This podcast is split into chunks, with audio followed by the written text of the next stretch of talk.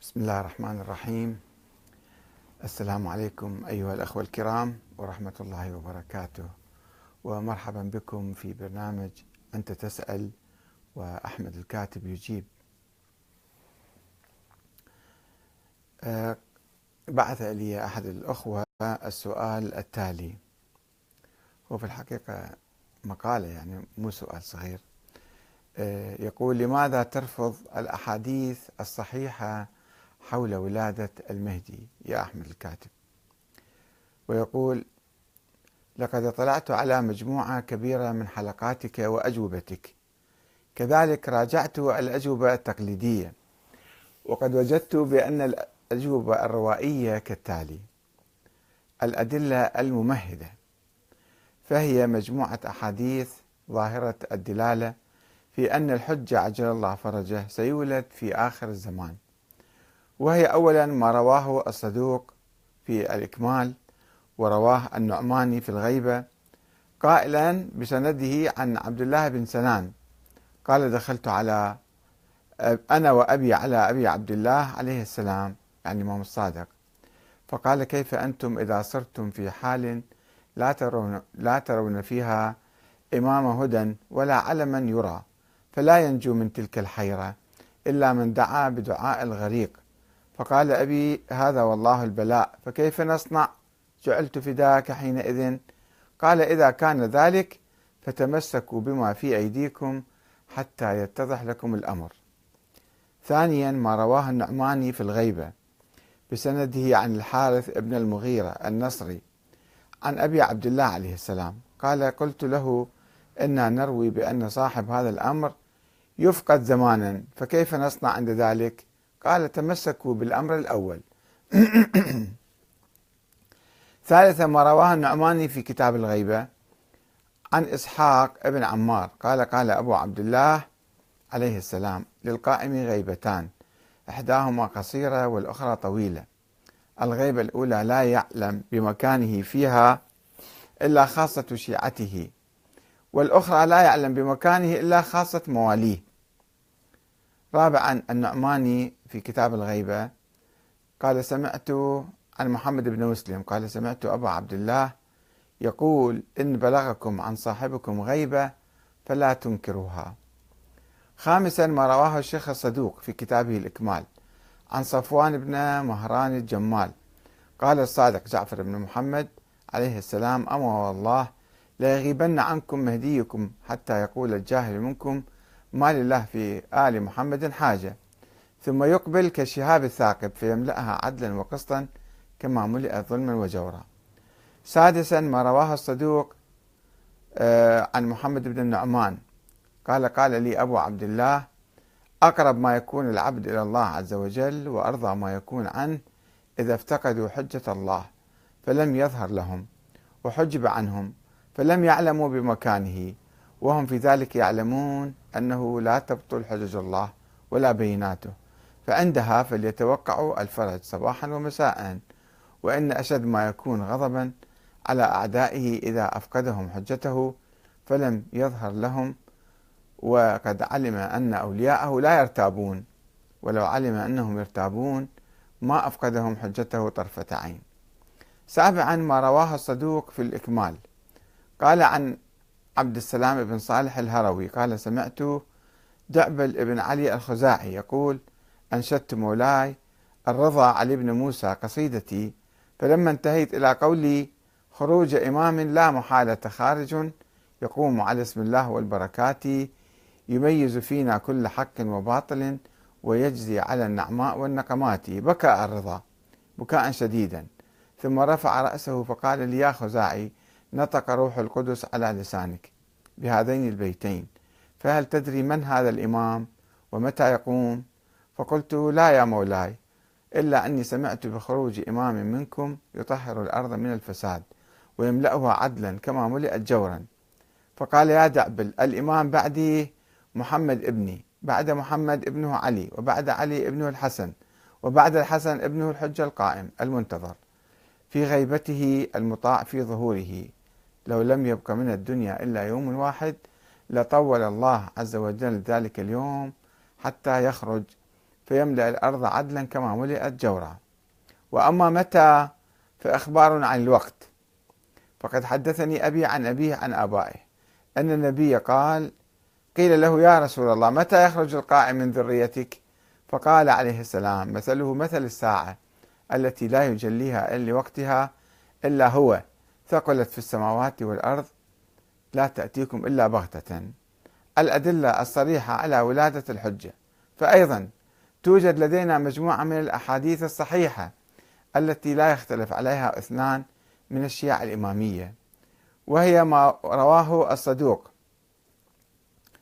آه، في الإكمال. قال حدثنا محمد بن الحسن قال حدثنا جعفر بن الحميري قال قلت لمحمد بن عثمان العمري إني أسألك سؤال إبراهيم عليه السلام ربه جل جلاله حين قال له ربي أريني كيف تحيي الموتى؟ قال أولم تؤمن؟ قال بلى ولكن ليطمئن قلبي. فأخبرني عن صاحب هذا الأمر. هل رأيته؟ قال نعم وله رقبة مثل هذه وأشار بيده إلى عنقه. ثم ثانيا ما رواه الصدوق آه، أيضا عن محمد بن عثمان العمري. قال سمعته يقول إن صاحب هذا الأمر ليحضر الموسم كل سنة فيرى الناس ويعرفهم ويرونه ولا يعرفونه.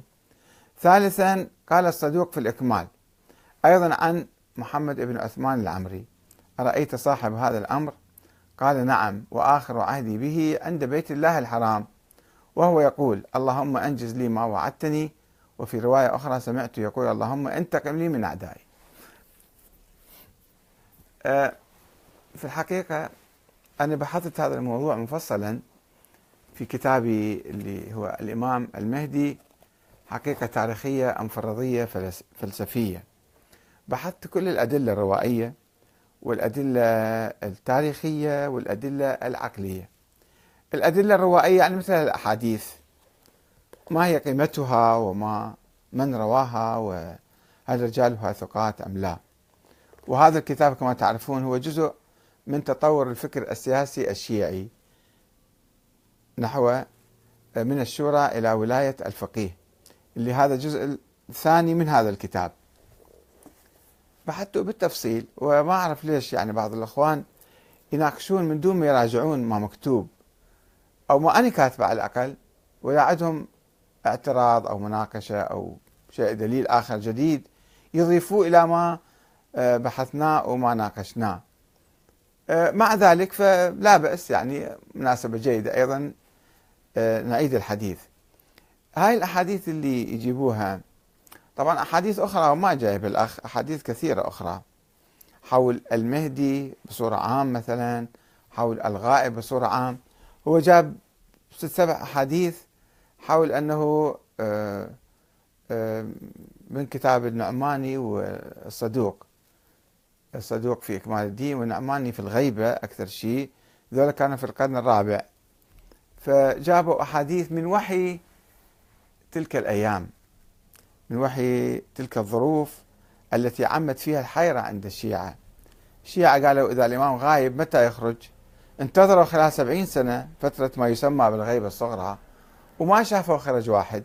فآخر شيء قالوا هذا معناته ماكو شيء يعني. وبدأوا يبطلون عن هاي الفكرة.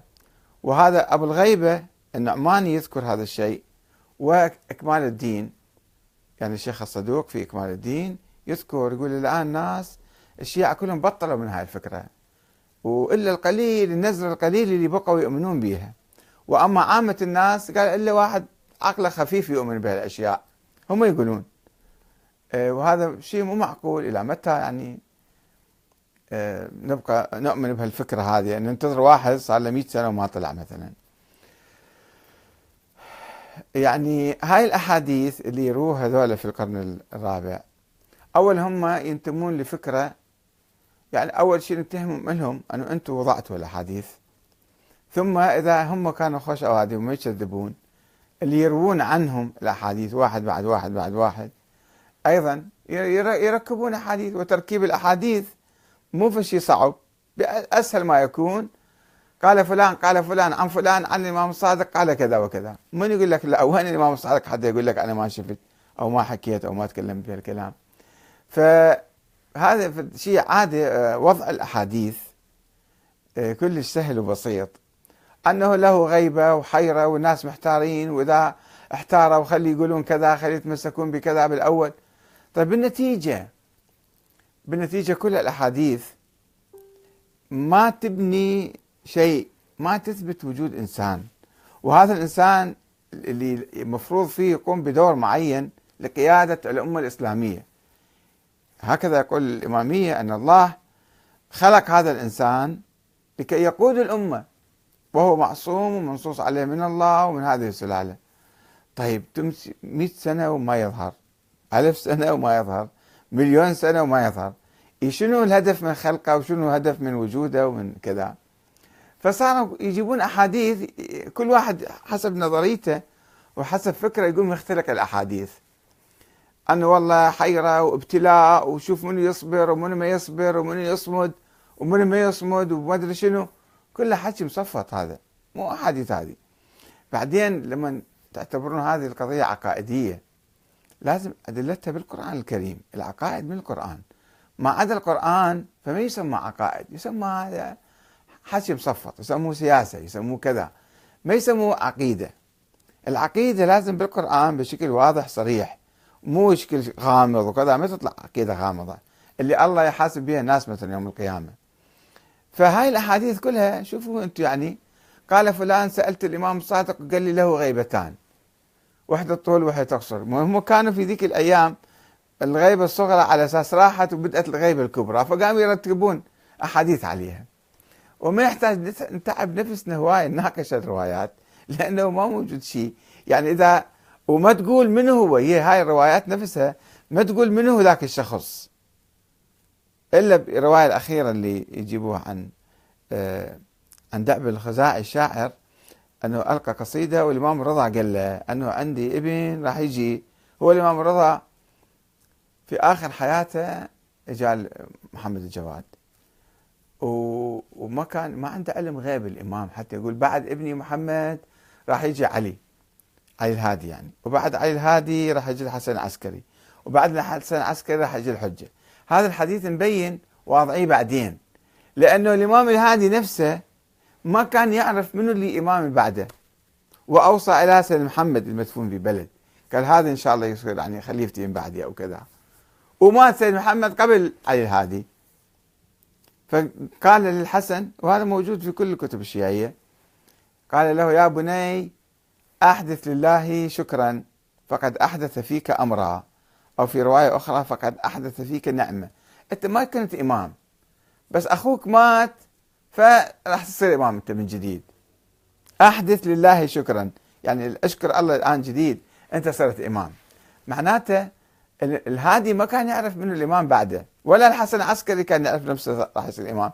شلون الرضا قبل 100 سنة مثلا أو 50 سنة يقول أنه هذا راح يجي عندي ولد وهذا ابن فلان وابن ابن فلان وابن ابن ابن, ما عنده علم غيب الإمام. فهاي تركيب مبينة تركيب الرواية. لو نعرضها على التاريخ الشيعي إيه، إيه، يتضح التركيب مالها. فأي واحد يجي يركب في آخر الزمان يركب له رواية. وألطف شيء الروايات الأخيرة اللي كلها يجيبوها عن منه هذا كمال الدين صاحبنا الشيخ الصدوق. هذا كان أخباري. حتى الشيخ المفيد ينتقد يقول هذا كلش بسيط يعني. شنو أكو روايات يجي يرويها؟ أه الصديق الصدوق يروي عن آه، محمد بن عثمان العمري. عثمان بن العمري رجال شايب كان ادعى أنه الحسن العسكري عنده ولد هو النائب ماله النائب الأول. آه، وبعدين مات بسرعة مات سنتين ومات. ابنه هذا محمد بن عثمان خمسين سنة ظل هو يقول أنا نائب الإمام ويكرف بالفلوس مالت الشيعة ويقول له وصلها للمهدي. والله يعلم وين نزلها بجيبه دجال كان من أكبر الدجالين هذا. ويعتبروها نائب الإمام كلش هذا معظم يعني. فكل الروايات يسألون الناس كانوا شاكين مثل ما يتضح من الروايات. يجي واحد يقول له هذا عبد الله بن جعفر الحميري على أساس أنه هو مو شاك إني أسألك سؤال إبراهيم ربه جل جلاله. ربي اريني كيف تحيي الموتى؟ بس اريد أطمئن يعني. قال له أنت شفته فأخبرني عن صاحب هذا الأمر. هل رأيته؟ أنت قاعد تدعي الوكالة عنه. شفت هذا الرجال اللي غايب اللي ما حد ما شايفه؟ قال نعم وله رقبة مثل هذه وأشار بيدي. كذب بسهولة يعني. من يقول لا الكذب ما أسهل الكذب. قاعد تدعي ادعاء. وتستفيد من عنده وعندك عندك مصلحة. وأي واحد عنده مصلحة ليروح للمحكمة ويشهد أو يدعي شيء يقول له جيب دليل. أما فقط تقول أنا شفته هذا مو دليل. يعني لازم شوية عندنا معرفة قضائية معرفة مال المحققين. لما واحد يدعي هكذا ادعاء نقول له يا عمي لا إحنا مو زواج يعني تضحك علينا. شنو شفته ورقبته هالقد وما أدري شنو؟ هذا حكي بصفط هذا. ونفس الشيء الروايه الأخرى. هم سأل ذاك مرة أخرى. إن صاحب هذا الأمر صاحب هذا الأمر لا يحضر الموسم يعني الحج كل سنة. فيرى الناس ويعرفهم ويرونه ولا يعرفونه. زين شلون عرفت أنت؟ أنت عندك علاقة مباشرة وياه شوفه دائما لو تدعي تجيك رسائل من عنده فقط. وتكتب رسائل بيديك. هو كان يكتب رسائل بيديه ويقول جتني من المهدي. ثالثا هم نفس الحديث هم يجي عن آه كله عن عبد الله بن جعفر الحميري. قال سألت محمد بن عثمان. واحد يحك للثاني. يسوون دعاية واحد للآخر قال آه، يقول نعم. قال أرأيت صاحب هذا الأمر؟ قال نعم. وآخر عهدي به عند بيت الله الحرام. وهو يقول اللهم أنجز لي ما وعدتني. وفي رواية أخرى سمعت يقول اللهم انتقمني من أعدائي. طبعا يعني واحد لو يكذب شنو يمنعه؟ يكذب أي شيء يصفط أي كلام. هذا ما يصير دليل. ثم عيفوك عيفوك عيفوكم من الروايات كلها. بالنتيجة هذا الخط خط الإمامي اللي كان يقول الحكام لازم يكونون معصومين. شايفين بالله هذا الكلام؟ معقول يعني الحكام كل بالدنيا لازم يصيرون معصومين مثل الأنبياء. وهذول المعصومين الله لازم يعينهم والله عين سلالة معينة. ثم وصلوا للحسن العسكري وانقطعت هاي السلالة. تبين الحكي كله هذا مصفط. ما بدليل حكي تركيب. مال مال غلاة ومال المتكلمين. مو مال أهل البيت. حتى الحسن العسكري لما هو توفى ما تحدث شيء عن الإمامة. مثلا الإمام بعدي منه شنو مصير الإمامة؟ أصلا لا قال عندي ولد ولا قال الإمامة شنو هي. لأن الأئمة بالظاهر ما كانوا يتكلمون هالأشياء. هذول بالسر كانوا يبسبسون بالحكي هذا بالكلام. يبسبسون وبعدين ها شلون صار؟ الحسن العسكري ما عنده ولد وما قال عندي ولد. قالوا هذا تقية يسوي هذا. ما قال عندي ولد هو عنده ضامة. شنو الدليل الشرعي؟ اللي الله يحتج به يوم القيامة علينا. وإحنا نحتج على الله به يوم القيامة. نقول يا الله أنت ما أعطيتنا دليل على دليل باهر كالشمس يعني أنه هذا عنده ولد وهو الإمام. هذا ما ما في أي شيء من القبيل هذا. فإحنا ما يمكن يعني الله يحاسبنا إذا ما آمنا أو رفضنا أو قلنا هذا كذب. من حقنا. من حقنا شيء معقول. وإحنا اتبعنا الشريعة الإسلامية. الشريعه الإسلامية تقول ما يصير واحد ينسب إلى فد إنسان ولد من دون علمه حسن عسكري ما كان يعرف عنده ولد.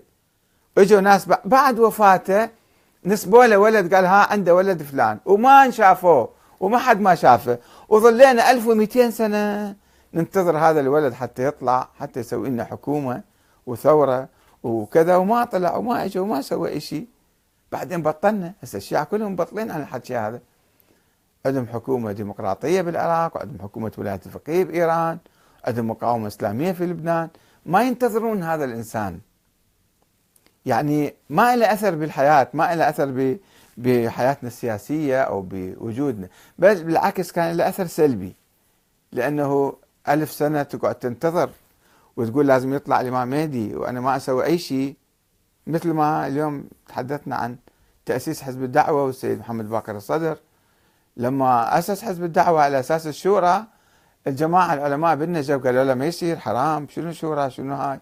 لازم يطلع الإمام يسوي الحكومة بطل محمد باكر الصدر بطل من من حزب الدعوة. بسرعة سنتين ثلاثة وبطل. لأنه علماء النجف قالوا له إحنا لازم ننتظر الإمام المهدي يطلع. وقام يدعو يا الله طلع لنا الإمام المهدي وراحت السالفة. واجوا حزب البعث سيطروا علينا.